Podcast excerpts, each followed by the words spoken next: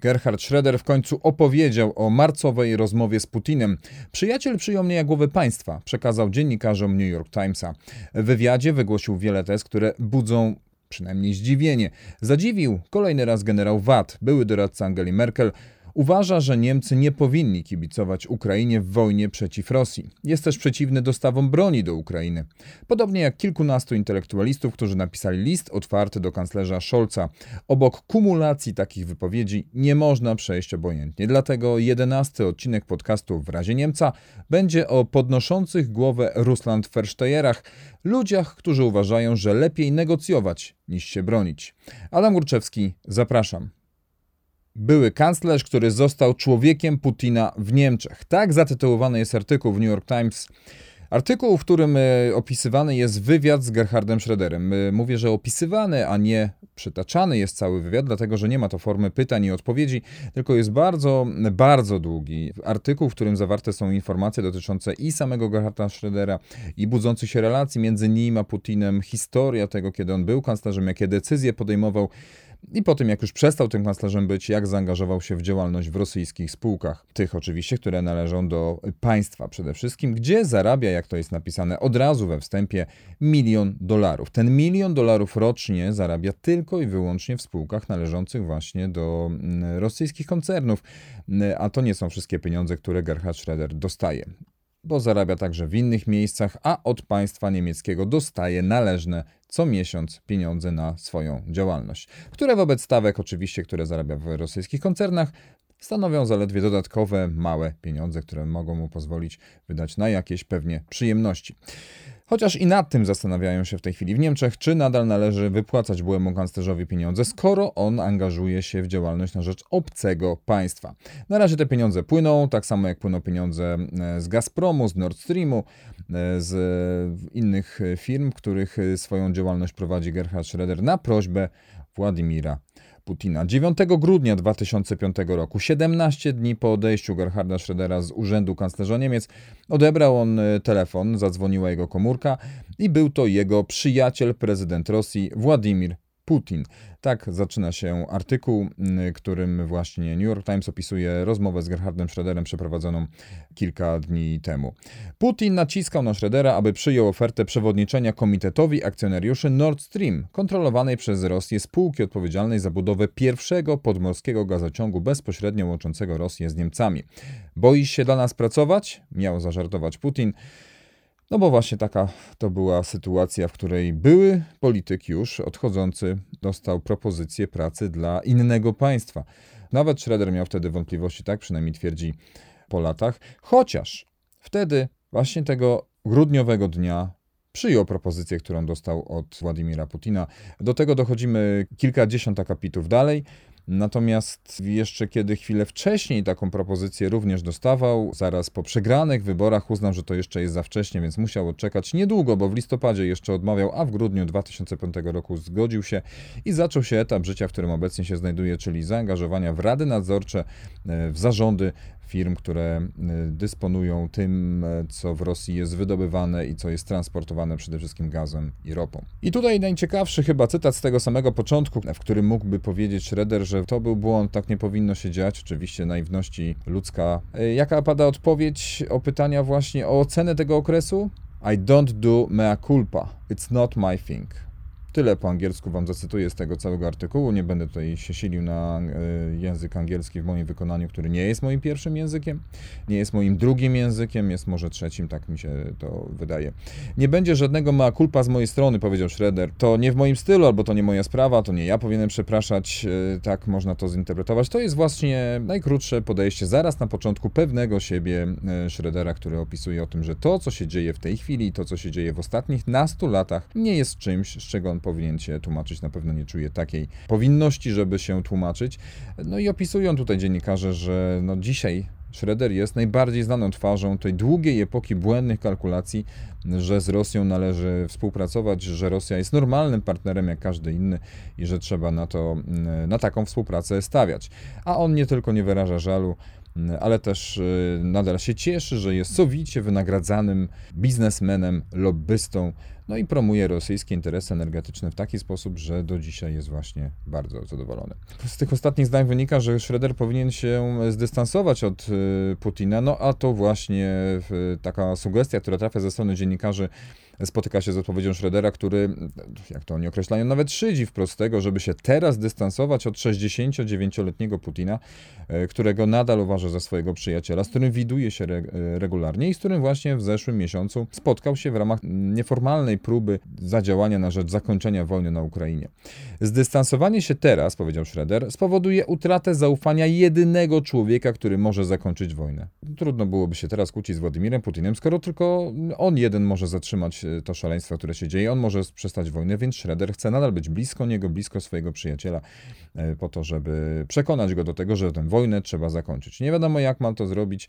No, wiadomo natomiast, jak został jego przyjacielem. E, tutaj jeszcze kilka miesięcy temu, nie mówię teraz o tej marcowej wizycie, ale pod koniec ubiegłego roku panowie się spotkali nad Morzem Czarnym i Schroeder pokazuje dziennikarzom zdjęcie z tej wizyty właśnie. Putin w czerwonym stroju hokejowym, a Schroeder w jasno-niebieskiej koszuli marynarce. Dziennikarz pyta Schroedera, o czym rozmawiali. O piłce nożnej. Bardzo luźne, jak widać, podejście, swobodne rozmowy. Nawet teraz, kiedy mógłby bardziej zagrać męża stanu i z większym przejęciem opowiadać o tym, co się dzieje, jakie są przemyślenia w głowie Putina, żeby może wytłumaczyć, dlaczego się dzieje tak, a nie inaczej.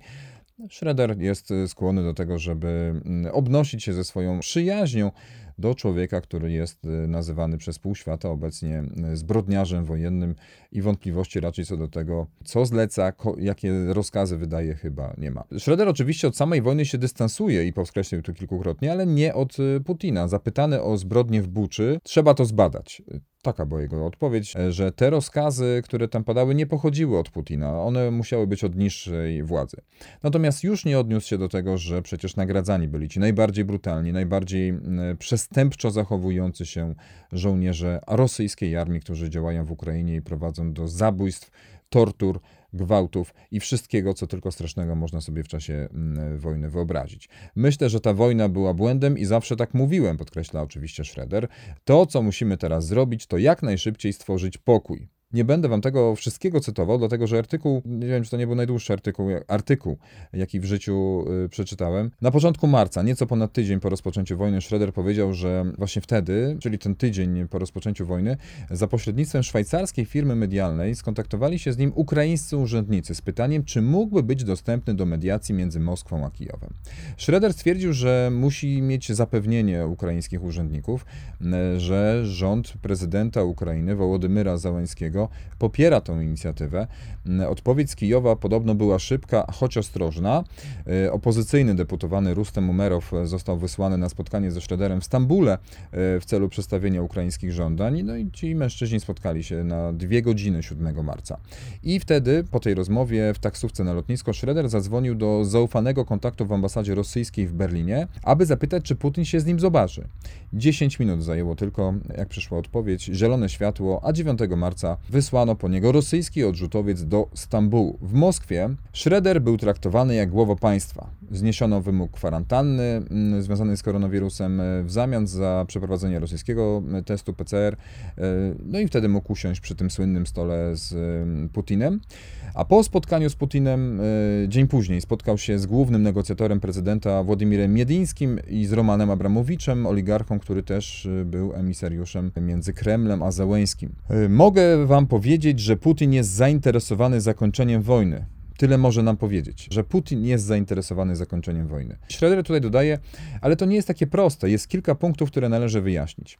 Co trzeba wyjaśnić, żeby Putin wojnę zakończył? Tego nie wyjaśnił z kolei Schroeder, ani nawet nie zaczął, nie zainicjował tych wątków. Potem 13 e, marca e, zgłosił się z powrotem do Umerowa i nie było już żadnego kontaktu do tego Umerowa, czyli posła z Ukrainy. Andrii Melnyk, ambasador Ukrainy w Berlinie, który często gości w moim podcaście, stwierdził, że inicjatywa nie powiodła się i Schroeder co prawda twierdzi, że jest gotowy na podobne spotkanie obu stron i że bardzo się stara, natomiast po pierwsze niczego nie osiągnął, a po drugie do niczego nie doszło i nie ma żadna, na razie żadnych planów, żeby kolejne spotkania się odbywały. No i teraz, po tych dwóch miesiącach wojny, Schroeder ciągle wierzy, że, że cokolwiek się stanie, to rosyjski gaz i ropa będą nadal płynąć. Y, powiedział, że rząd nie powinien nakładać embarga energetycznego. Schroeder jest przeciwny embargu. Moją radą jest zastanowić się, z czym uzależniona od eksportu gospodarka wciąż może sobie poradzić, a z czym już sobie nie radzi, powiedział. Na pytanie dziennikarzy, co wtedy, jeżeli Rosja zakręci kran, to się nie stanie, powiedział Schroeder, a gdyby się stało, to wtedy zrezygnowałbym. Rozumiecie? To jest właśnie to przekroczenie czerwonej linii, rezygnacja, żeby to Putin zakręcił kurek z gazem, z ropą, to wtedy będzie moment, w którym należy wycofać się z tego układu. E, niech obywatele Niemiec otworzą torebki, niech zajrzą do środka i zadadzą sobie pytanie, czy są gotowi zapłacić 3 do 5 razy więcej za prąd, gaz i ogrzewanie. To są słowa Putina niedawne. Jeśli nie, powinni podziękować panu Schroederowi, ponieważ jest to jego osiągnięcie, wynik jego pracy. No a w e, rosyjskiej telewizji państwowej New York Times przypomina, Schroeder jest często cytowany jako zachodni głos rozsądku, dowód twierdzenia Kremla, że obecni przywódcy Europy sprzedali interesy swoich krajów rusofobicznym Stanom Zjednoczonym. Ostatnie słowa Schroedera cytowane właśnie w tymże artykule. Nie można izolować takiego kraju jak Rosja na dłuższą metę ani politycznie, ani ekonomicznie. Niemiecki przemysł potrzebuje surowców, które ma Rosja. To nie tylko ropa i gaz, to także pierwiastki ziem rzadkich, a to są surowce, których nie można po prostu zastąpić. Kiedy ta wojna się skończy, dodaje Schroeder, będziemy musieli wrócić do radzenia sobie z Rosją. Zawsze tak robimy. To jest bardzo smutna, historyczna obserwacja, którą przeprowadza Gerhard Schroeder, e, która niestety jest często powtarzana, że mimo tej wiary teraz e, i mimo takich deklaracji czołowych polityków niemieckich, że nie ma powrotu do normalnych relacji z Rosją Putina, e, to być może z samą Rosją tak, a być może nawet z Rosją Putina, jakby tak dobrze wsłuchać się w głos Gerharda Schrödera, to on zapewne wierzy w to, że właśnie można się dogadać nawet z Władimirem Putinem. Tyle o Gerhardzie Schröderze, chociaż może dodam jeszcze tutaj jedno. Pojawiła się szansa na to, że on zostanie w końcu wyrzucony z partii SPD, bo mimo tego wszystkiego, co robi, mimo ultimatum, które dostał od władz partii, że powinien zrezygnować z zasiadania w władzach rosyjskich spółek, które współfinansują wojnę, które są odpowiedzialne za jej prowadzenie, on się zupełnie do tego nie odnosi. Nadal jest członkiem partii, bo nikt go nie wyrzucił.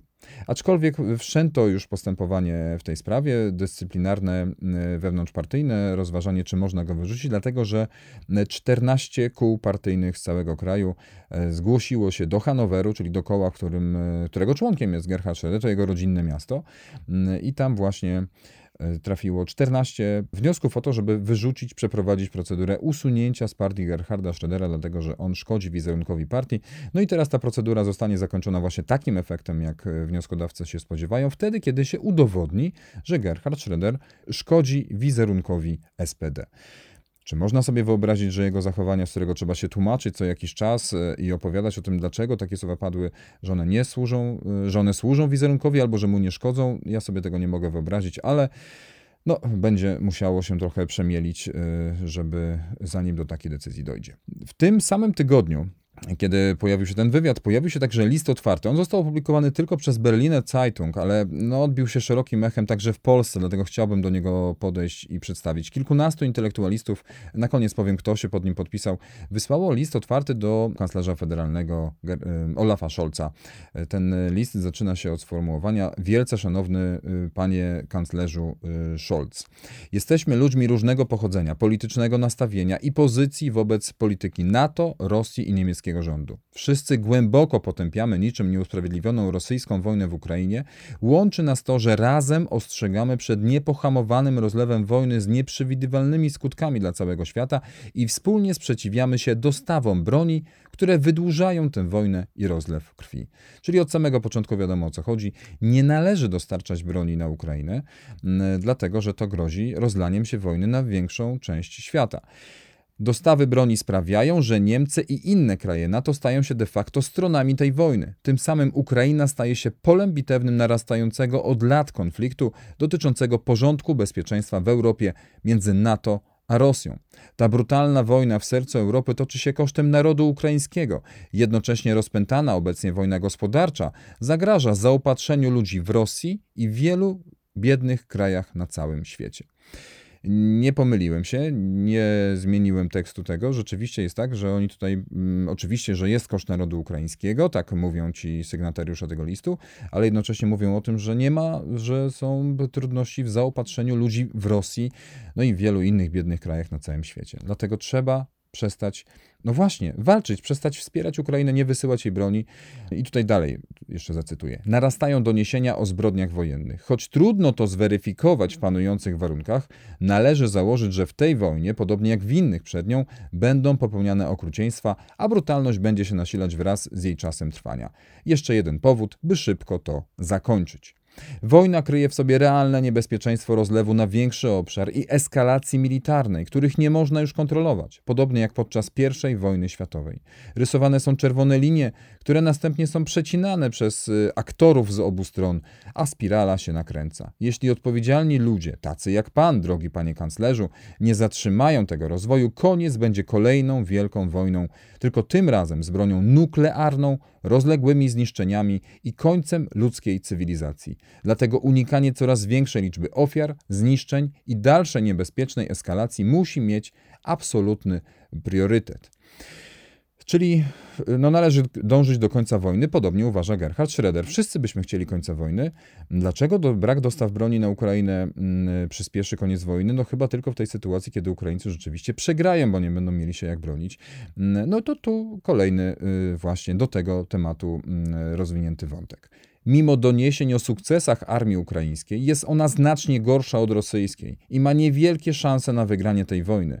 Ceną długotrwałego oporu militarnego, niezależnie od możliwego sukcesu, będzie więcej zniszczonych miast i wsi oraz więcej ofiar wśród ludności ukraińskiej. Dostawy broni i wsparcia wojskowego ze strony NATO przedłużają wojnę i sprawiają, że rozwiązanie dyplomatyczne jest odległe. Tak jak gdyby rzeczywiście brak dostaw broni na Ukrainę e, sprawiał, że zaraz zaczną się mm, rozmowy dyplomatyczne, że jeżeli nie będzie wysyłało NATO, inne kraje, które wspierają mm, Ukraińców, nie będą im wysyłali broni, kiedy nie będzie tego wsparcia całego, które jest wysyłane właśnie Ukraińcom, to wtedy rozpoczną się negocjacje. Takie, mam wrażenie, sygnatariusze tego listu mają przekonanie. No a to że y, armia ukraińska jest zdecydowanie gorsza od rosyjskiej, no, no, nawet nie wiem, jak to komentować. A za chwilę do tego wrócę, bo będziemy mieli człowieka, który no, bardzo podobne ma zdanie, a ma chyba trochę większy zasięg oddziaływania. E, słuszne jest, by żądanie precz z bronią kierować przede wszystkim do strony rosyjskiej, ale jednocześnie należy podjąć dalsze kroki, aby jak najszybciej zakończyć rozlew krwi i wysiedlanie ludzi. Jakkolwiek gorzkie jest wycofanie się z przemocy, która łamie prawo międzynarodowe, jest to jedyna realistyczna i humanitarna alternatywa dla długiej, wyczerpującej wojny. Pierwszym i najważniejszym krokiem byłoby wstrzymanie wszelkich dostaw broni na Ukrainę, połączone z natychmiastowym wynegocjowaniem zawieszenia broni. Ja nie, nie, wiem, to jest takie idealistyczne podejście, którego ja, jak czytam któryś raz już to, to nie mogę zrozumieć do końca, jakie y, plany nadal y, mają ludzie, którzy podpisali się pod tym listem. Więc zmierzając do końca, Wzywamy zatem rząd niemiecki, państwa Unii Europejskiej i NATO do zaprzestania dostaw broni dla wojsk ukraińskich oraz do zachęcania rządu w Kijowie do zaprzestania oporu militarnego w zamian za zapewnienie negocjacji w sprawie zawieszenia broni i rozwiązań politycznych. Zgłaszane już Moskwie propozycje prezydenta Zełenskiego, ewentualna neutralność, porozumienia w sprawie uznania Krymu i referenda w sprawie przyszłego statusu Republik Donbasu dają ku temu realną nadzieję. Negocjacje w sprawie szybkiego wycofania wojsk rosyjskich i przywrócenia integralności terytorialnej Ukrainy powinny być wspierane własnymi propozycjami państw NATO dotyczącymi uzasadnionych interesów bezpieczeństwa Rosji i krajów sąsiednich. Tak, nie przesłyszeliście się. To NATO jest po części winne. No tutaj należy uwzględnić interesy bezpieczeństwa Rosji. Rosja się po prostu, no prawie że z tego wynika, że Rosja się broni, a prezydent Zełenski proponując neutralność y, i porozumienie w sprawie Krymu i referenda w sprawie Donbasu, no właśnie wychodzi naprzeciw tym oczekiwaniom i do tego powinna dołączyć Unia Europejska i NATO i tak y, powinno w tą stronę to wszystko pójść. Aby jak najszybciej powstrzymać dalsze masowe niszczenie miast i przyspieszyć negocjacje w sprawie zawieszenia broni, rząd federalny powinien zasugerować, aby oblężone miasta, najbardziej zagrożone i dotychczas w dużej mierze niezniszczone, takie jak Kijów, Charków i Odessa, uzyskały status miast niebronionych według pierwszego protokołu dodatkowego do konwencji genewskiej z 1949 roku. Dzięki koncepcji zdefiniowanej już w konwencji haskiej o wojnie lądowej, podczas II wojny światowej udało się zapobiec zniszczeniu licznych miast. Dominującą logikę wojny trzeba zastąpić odważną logiką pokoju i stworzyć nową europejską i światową architekturę pokoju, włączając w nie Rosję i Chiny. Nasz kraj nie może tu stać na uboczu, ale musi odgrywać aktywną rolę z poważaniem i tu następuje lista podpisów. Czy taki list nie powinien zostać wysłany bardziej do prezydenta Putina? Nawet właściwie wiem, do niego powinien zostać wysłany. Jeżeli jakakolwiek będzie reakcja na to, to warto o tym rozmawiać. A wysyłanie listu takiego właśnie, i to nie jest tylko moja opinia, bo to jest opinia, którą podziela wielu komentatorów, którzy nawet y, nie do końca nad tym listem pochylili się na dłużej, tylko powiedzieli, że no tak, no coś takiego powstało, ale y, wśród tych 16 mm, sygnatariuszy jest, y, są dwie osoby, które podpisały się w 2015 roku pod podobnym listem, także do ówczesnych władz. Tamta lista była jednak y, dużo dłuższa, były większe nazwiska mm, i oni wtedy apelowali także nieco relatywizując y, wydarzenia i jakby nie negując zajęcia Krymu przez Rosję, wysłali właśnie pismo otwarte, którym też prosili o zachowanie pokoju i dążenie do porozumienia z Rosją. No dzisiaj e, tych, wśród tych nazwisk e, no, wymienić chyba trzeba dr Antje Vollmer, czyli byłą e, wiceprzewodniczącą niemieckiego Bundestagu. Kogo tu jeszcze można wymienić? Daniela Dan, jest taka dziennikarka, pisarka także, bardzo kontrowersyjna publicystka, członkini co prawda Penklabu, ale no tak bardzo różnie oceniana jako ktoś, kto neguje nawet sam proces przeprowadzania zjednoczenia Niemiec wschodnich i zachodnich. Są muzycy tutaj, nie przepraszam, chyba jeden muzyk jest, Konstantyn Wecker, E, są lekarze, są publicyści, dziennikarze, politolodzy, ewangelicka teolożka, e, no są prawnicy, którzy walczą też o prawa człowieka, natomiast to nie są nazwiska największe, takie, które by sprawiały, że można powiedzieć, że to jest głos elity niemieckiej, który właśnie zwraca się do kanclerza Scholza przede wszystkim o to, żeby nie dostarczać broni Ukrainie, bo to Podobnie jak Gerhard Schroeder, oni myślą, tylko zwiększa ryzyko rozlania się tego konfliktu wojennego. No to jeszcze jeden człowiek, który ma podobne zdanie. Ta kumulacja w jednym okresie sprawia, że no, no trzeba usłyszeć, że oni reprezentują nie tylko tych kilkanaście nazwisk, nie tylko tych, co się podpisali pod listem, Gerhard Schroeder i Erich Watt, czyli generał, były doradca Angeli Merkel, że ta lista jest pewnie dłuższa osób, które właśnie w podobny sposób patrzą na świat. E, dlatego właśnie generała Ericha Wada, który w telewizji CDF wystąpił u Maybrit Illner, w gronie kilku osób występował, ale to jego słowa wzbudziły największą uwagę. A no, warto obejrzeć tę audycję mm, z 21 kwietnia w CDF, dlatego że no, same reakcje na twarzach innych uczestników tej dyskusji no, myślę, że to jest dość ciekawa obserwacja, patrząc na to. Wyobraźcie sobie, co w głowie ich musiało się dziać, na ich twarzach, co musiało się dziać, szczególnie wśród osób, które mają rodziny w Ukrainie, bo też taka była jedna uczestniczka tej debaty, yy, małej u pani Ilner, która słyszy takie słowa z ust generała Erisia Wada. Uważam, że obecnie ważne jest z politycznego punktu widzenia, by nie mówić, że chcemy zwycięstwa Ukrainy. Chcemy pomóc Ukrainie. To jest w porządku i dlatego mocno ją wspieramy. Muszę jednak podkreślić, że myśląc o końcu tego konfliktu, nie powinniśmy myśleć o militarnym zwycięstwie jednej ze stron, ale po prostu o szybkim końcu tego konfliktu, znajdując ku temu polityczne rozwiązanie. Lösung als ultimatives Ziel darstellen. Boli mnie, jak słyszę od niemieckich polityków, do tego z Partii Zielonych, że przedstawiają militarne rozwiązanie jako optymalny cel. To jest wariactwo. Głoszą to politycy, którzy z obronnością nie mieli nic wspólnego. Unikali służby w wojsku, nie wiedzą nic o niemieckiej armii. Tak nie można. Stan rzeczy musi być na końcu taki, żebyśmy doszli do zawieszenia broni. Kiedyś tę wojnę zakończymy, ale nie stawiajmy na zwycięstwo kogokolwiek, bo to jest retoryka, której po prostu nie powinno być. W nowoczesnej nauce dotyczącej obronności i wojen to jest jakiś nowum. I tu prowadząca May Tiller próbowała dopytać generała, czy Putina nie trzeba jednak siłą zaciągnąć do stołu negocjacyjnego, czy też może według Wada on się zreflektuje i sam przyjdzie, zacznie temat końca wojny. Nie, wiadomo, że tego nie zrobi. Dlatego pomagamy Ukrainie i musimy jej dalej pomagać. Mówię jedynie, że musimy zmienić podejście. Musimy jak najszybciej wyjść z tego konfliktu. Nie możemy dopuścić, żeby w centralnej Europie znowu doszło do trwającej latami wojny zastępczej. I to takiej, która ma potencjał, by przejść w wojnę nuklearną. Ponieważ Rosja nie jest Serbią. Rosja jest potęgą atomową, dysponującą największym arsenałem jądrowym na świecie. To jest różnica. I dlatego musimy być ostrożni z dostawami broni, a przede wszystkim unikać wojennej retoryki.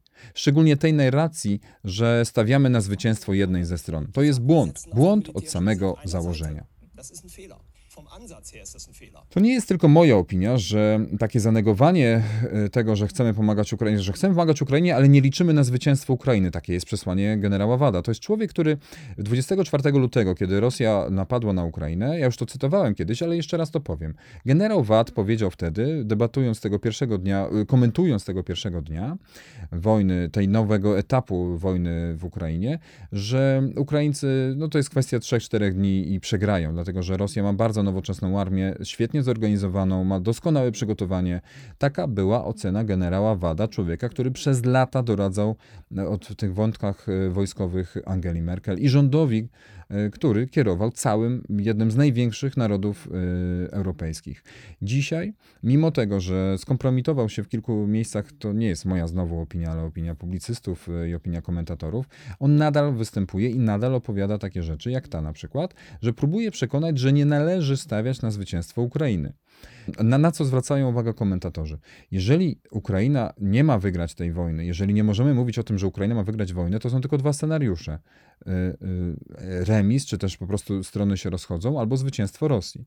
Ten pierwszy przypadek, czyli rozejście się obu stron, jest przecież niemożliwy do wykonania, biorąc pod uwagę nastawienie Putina, które w tej chwili y, jest, które pokazuje, a wariant ostatni, że Rosja wygrywa, jest tylko i wyłącznie zachętą do tego, żeby pójść dalej żeby ruszyć dalej w kierunku y, Polski, Słowacji, pewnie nie Węgier, ale już Mołdawii, Rumunii, to jak najbardziej. No to y, nie trzeba być wybitnym ekspertem militarnym, żeby stwierdzić, że w tą stronę to może pójść. Dlaczego według generała Wada to jest lepsze rozwiązanie niż to, żeby postarać się, żeby Ukraina wygrała i móc wtedy z tą Rosją nawet wrócić do rozmów, ale ją przekonywać, tego nie rozumiem. W wypowiedzi generała Wada padło takie zdanie, że grozi nam, e, że nie potrzebujemy po raz kolejny wojny zastępczej. E, I to zrobimy z tego kącik językowy jednocześnie. E, wojna zastępcza, czyli Sterfetheiter Krieg. E, czyli po prostu wojna zastępców, jakby wojna zastępcza. Ja powiem szczerze, nie spotkałem się z tym w polskim języku. Znaczy, spotkałem się, ale nigdy nie zwróciłem uwagi na to określenie. Te Stellvertreter Krieg, to jest ważne założenie. Der Krieg, czyli ten Mężczyzna to jest wojna. Polska wojna nabiera od razu takich bardziej romantycznych barw przez to, że jest rodzaju żeńskiego, że jest kobietą. W Niemczech to jest der Krieg. Y, taką wojną zastępczą jest y, właśnie mm, ta sytuacja, która jest obecnie, czyli że na terenie Ukrainy, według WADA, walczy teraz NATO z Rosją na terenie, mm, które zamieszkują Ukraińcy i oni są ofiarą tej wojny. A wcześniej, w czasie zimnej wojny na przykład, Niemcy były terenem wojny zastępczej. To w Niemczech przez ten podział na cztery części, chociaż większość